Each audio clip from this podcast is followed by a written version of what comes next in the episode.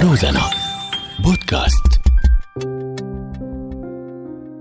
تأمين فرص عمل صارت حلم كبير بشمال غرب سوريا. تحديداً بعد تضخم عدد السكان نتيجة حملات النزوح إلى خلال السنوات الماضية وقلة المنشآت الصناعية والتجارية فيها واللي أدت لانتشار البطالة سواء كان بفئة الشباب أو الكبار بالسن من كلا الجنسين. وبتزيد صعوبة المشكلة عند الأشخاص اللي ما عندهم أي شهادات تعليمية ممكن تخولهم للعمل ضمن المنظمات أو الإدارات المحلية وحتى اللي عندهم خبرات مهنية. عم توقف مشكلة تأمين رأس المال للبداية بمشروع ما عائق قدامهم. أنا أسمع وهي حلقة جديدة من بودكاست شو الحل من إعداد محمود أبو راس والمكساج لعقبة خليفة.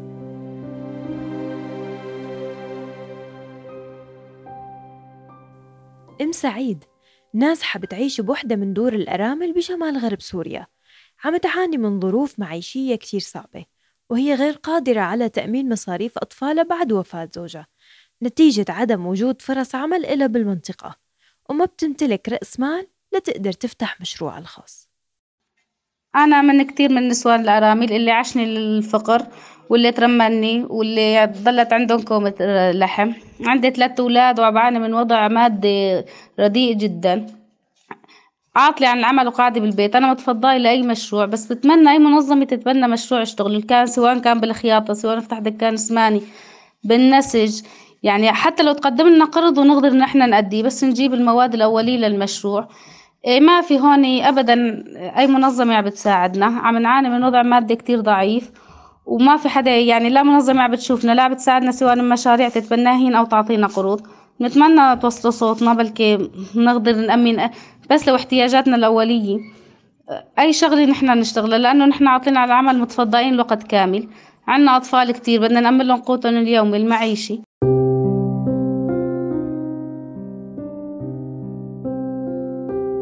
حسنا زوجها دخله اليوم كتير ضعيف ما بكفي حاجة أطفالها. صح عندها خبرة بالخياطة لكن هي غير قادرة على شراء آلات واحتياجات العمل. لتبلش بمشروع جديد وصغير يقدر يساعد زوجها بتأمين دخلهم اليومي وتحسينه. أنا ساكنة بالمخيمات نحن وضعنا تعبان ومردودنا ضعيف. جوزي شغله يعني مردوده كتير ضعيف المدخول ما بكفينا عنا أربع أولاد. وأنا حابة أشتغل بس ما في إمكانية ولا مشاريع صغيرة. الواحد يأسس حاله مثلا. أنا حابة مثلا ساعد جوزي بس ما في دورات ما في مساعدات ما في إمكانيات مالية. مثلا أنا بحب الخياطة بعرف خيط.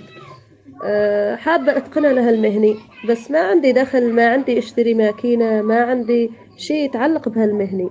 مثلا لو في مشاريع أه لو في مساعدات مالية يعني كان ساعد جوزي. كان اشتريت أنا ماكينة أقمشة العدة كان ساعدت جوزي ساعدت عيلتي بهالظروف الصعبة هالظروف القاسية.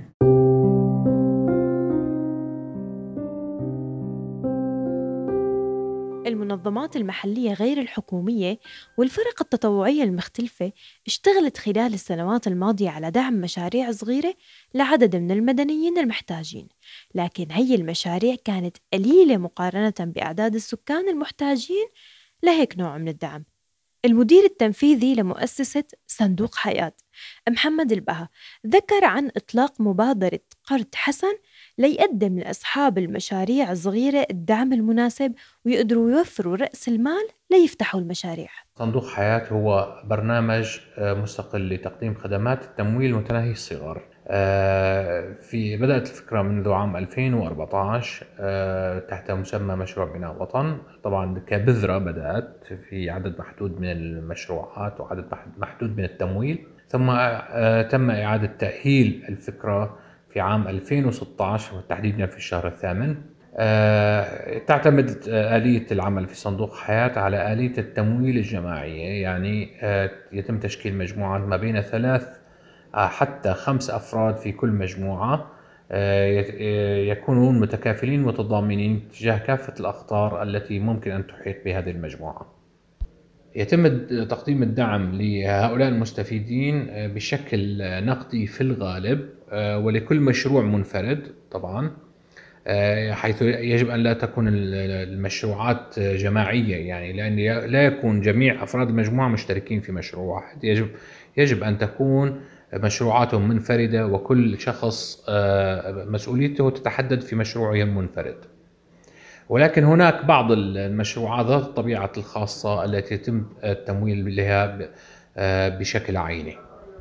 آه، الإجراءات والشروط للحصول على التمويل هناك عدة شروط منها أن يكون عضوا في مجموعة متكافلة متضامنة كما ذكرنا أن يكون ما بين ثلاثة لحتى آه، خمس أشخاص في كل مجموعة آه، أيضا أن يكون لديه فكرة مشروع تنموي مشروع مدر للدخل جاهزة يعني لا يكون وهمي أو صوري يعني يكون لديه الفكرة في الأصل لا يجب أن يكون متردد عند التقديم على الطلب آه، أن يحضر دورة في التمويل الأصغر ينظمها صندوق حياة لمدة 12 ساعة على الأقل أن يوافق على شروط الطلب والتوقيع على الوثائق القانونية الخاصة في الطلب آه، شرط أساسي أن يكون المشروع في المنطقة الجغرافية التي نعمل فيها. يعني لا نستطيع أن نغطي مناطق جغرافية بعيدة عن الفروع آه، بسبب مشاكل المواصلات وضرورة المتابعة اليومية للمشروع. أن يوافق أيضا على الزيارات المتابعة الميدانية للموظفين وأن يمسك سجل مالي صغير آه، يومي لإدارة مشروعه المتناهي الصغر طبعا آه، بالنسبة الآلية الأساسية للمشروع هي القرض الحسن يعني القرض المسترد. آه، يجب أن يكون يقوم بإعادة المبلغ الأساسي الذي تم تمويله فيه بشكل أقساط شهرية. طبعا في حسب طبيعة المشروع نعطيه أحيانا فترة سماح تتراوح ما بين شهر لشهرين أحيانا. حسب طبيعة المشروع آه، طبيعة التدفق النقدي للمشروع آه، ويعيدها بأقساط شهرية آه، متساوية وأقصى مدة هي مدة سنة. يعني يجب أن لا يتجاوز مدة السداد الشهرية مدة السنة الكاملة. آه، وصلنا حاليا في هذه الأيام. أتوقع أنه سنصل قريبا لأكثر من 3900 مستفيد من خدمات صندوق حياة كتمويل آه، لمختلف المحافظ.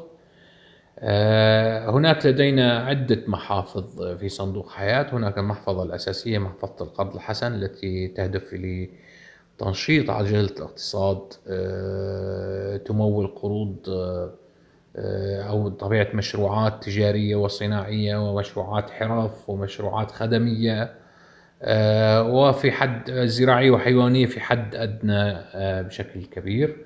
وهناك أيضا مش محافظ أخرى الخاصة بمحفظة الطلبة التي اسمها ابن رشد مثلا محفظة خاصة بالنازحين اسمها داركم ومحفظة خاصة بالنساء المعيلات تحت مسمى محفظة الكرامة. آه، ونقوم أحيانا بتشكيل محافظ حسب آه، مستجدات الوضع الإنساني في سوريا وحسب آه، متطلبات العمل في صندوق حياة.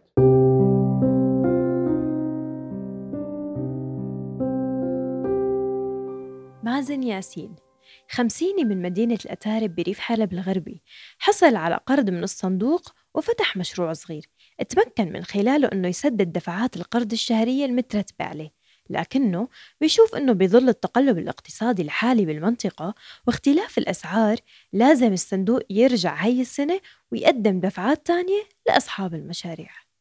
ضاقت السبل فينا فالتقينا ببعض الأصدقاء. قال خي يجرب حالك في موضوع القرض من صندوق حياة. أشاروا علينا والله. وكان براسي فكرة أنه مشروع زراعي. قالوا المشروع والله ما في مجال هلا حاليا. مشروع كزراعة.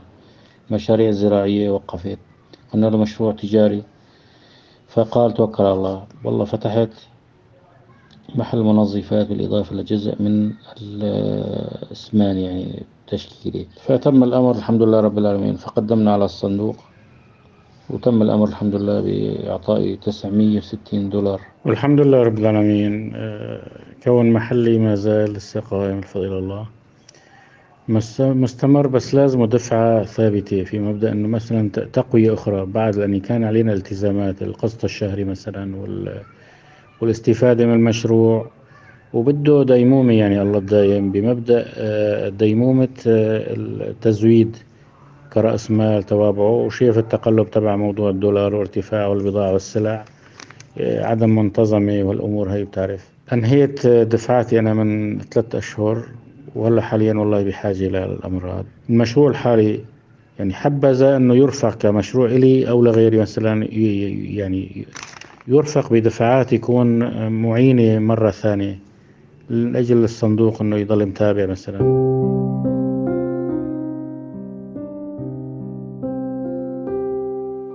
الفكرة اللي عم يقدمها صندوق حياة بحاجة لتعميم أكبر ولدعم أكثر لتأمين مشاريع للعوائل والأشخاص المحتاجين لرأس المال ليبدأوا بمشاريعهم الخاصة وتحديدا بعد الزلزال الأخير اللي ضرب المنطقة وأدى لفقدان كتير من سكان المنطقة لأرزاقهم ولأعمالهم. مناطق شمال غرب سوريا شهدت ارتفاع ملحوظ بمعدلات الفقر والجوع والبطالة وهالشي كان وسط ضعف الاستجابة الإنسانية. هذا الأمر سبب تفاقم بمعاناة السكان والنازحين بالمنطقة بدون إيجاد حلول بتنهي هي المأساة خاصة أنه عدد المخيمات والنازحين عم يزداد بعد كارثة الزلزال يلي ضرب المنطقة بتاريخ 6 شباط حد الفقر؟ ارتفع بذات المناطق لمستويات جديدة تقريبا للواحد ونصف بالمية بحسب فريق منسقو استجابة سوريا. يعني ارتفع لقيمة الخمسة آلاف ليرة تركية والفقر المدقع وصل لثلاثة آلاف تقريبا.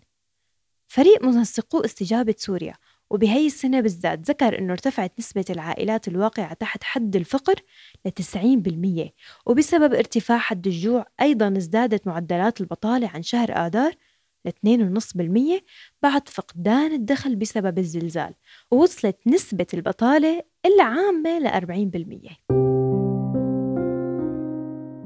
لهون بتكون خلصت حلقتنا لليوم من بودكاست شو الحل؟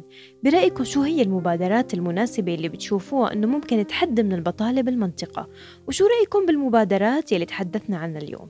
شاركونا وكونوا معنا بالتعليقات على بوست الحلقة بمنصة روزانا بودكاست على فيسبوك. Thank you.